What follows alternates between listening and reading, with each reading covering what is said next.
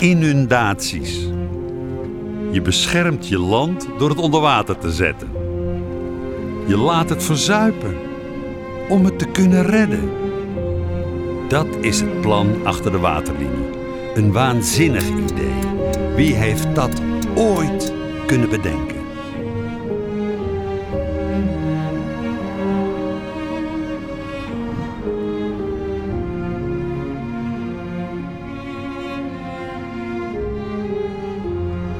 Nou, ik heb wat research gedaan en ik heb begrepen dat we daarvoor in Leiden moeten zijn.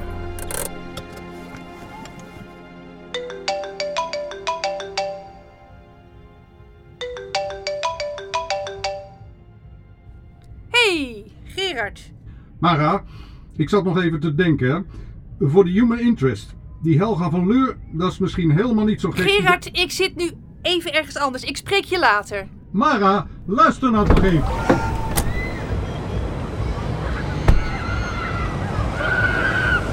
Ik heb afgesproken met Franciscus. Hij is hier in Leiden een van de stadsvertellers. Hij schijnt een goed verhaal te hebben. Nou, en het is hier nog feest ook vandaag. Eh, Mara! Hoi, welkom. Je hebt een goede dag uitgekozen. Morgen is het 3 oktober. en daar kan jij me alles over vertellen. Absoluut. Wat doen we? Het reuzenrad? Oh, eh, ja, leuk. Ik heb de kaartjes al. Oh. Als we straks boven zijn, kan je alles zien. En het is nog lekker rustig ook.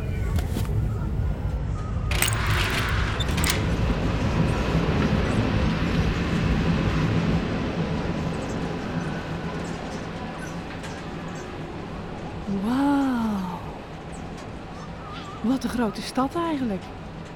Zie je daar de singels helemaal rondom. In 1574 was daar de stadsmuur.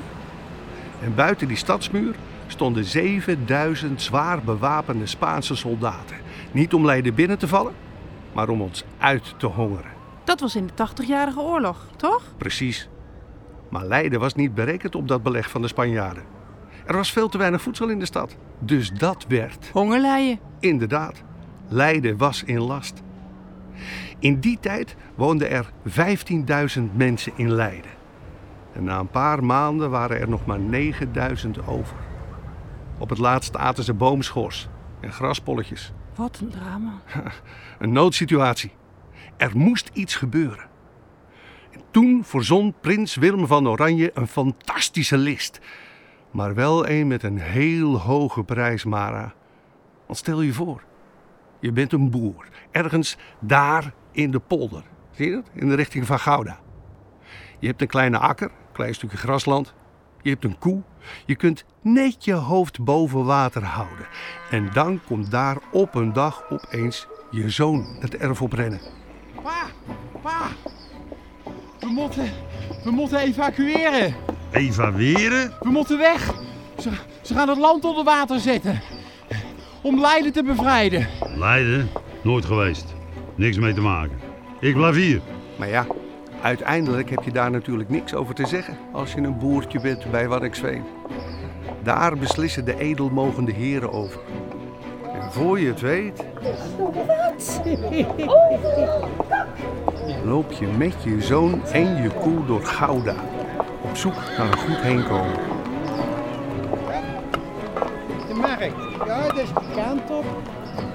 Hé, hey, ga eens uit de weg, je oude bedelaar met je houten poort.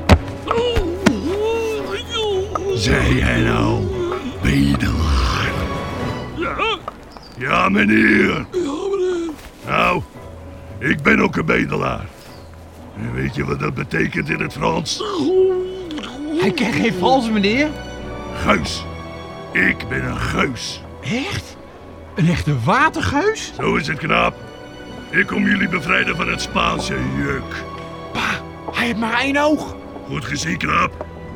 Het andere is uit het zicht verdwenen in de slag bij Borselen. Dat ligt nou ergens op de bodem van de Schelde. Of misschien zwemt het daar nog wel rond in de buik van zo'n glazig visje. Verder nog iets dat je mist, hoer? Voor wat? Twee jaar geleden, rond deze tijd, had ik het nog. Ja, koude winter hadden we toen. Oh ja, meneer, dat weet ik nog. Er waren alle slootjes bevroren. En het ei, dat ook.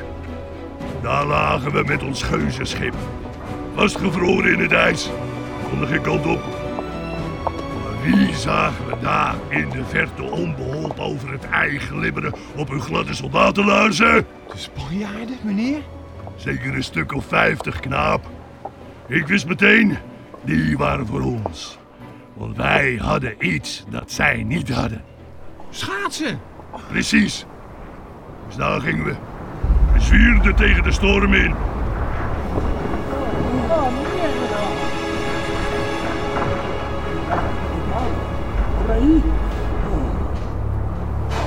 Ja, dat hadden ons eerst niet in de gaten. En toen ze dat wel hadden...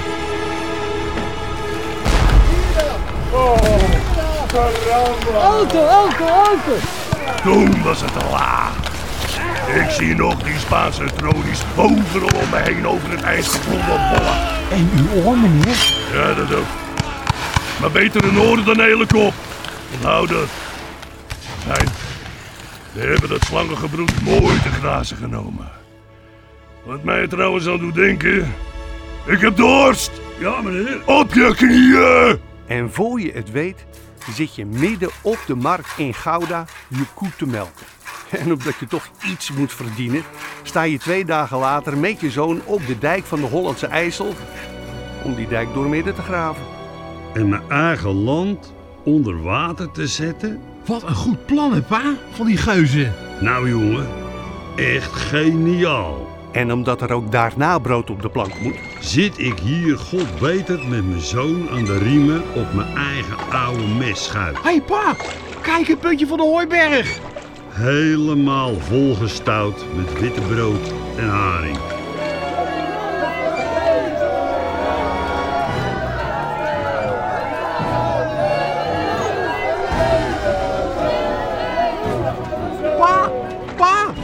Dan riepen ze tegen mij. ja, dat was feest. Maar het was een dubbeltje op zijn kant hoor, Mara. Toevallig stormde het al een paar dagen uit het zuidwesten en de wind stuwde het water net hoog genoeg om de boten van de geuzen naar Leiden te kunnen laten varen. Het was een geweldig plan, die inundatie. Maar ze hadden ook gewoon het weer mee. Eh, eh, moet je niet even opnemen? Nou, dat is niet dringend. Dat komt later wel. Afijn, water. Dat is onze beste vriend Mara. Anders waren we nu Spaans geweest. Eh, Nemen we nog een ijsje? Oeh, ja, yes. Op de geuzen. Water. Je beste vriend. Maar zelfs je allerbeste vriend. Moet je nooit blindelings vertrouwen, Mara van Dijk. Dat zal je nog wel merken. In de volgende aflevering van Geheim Water.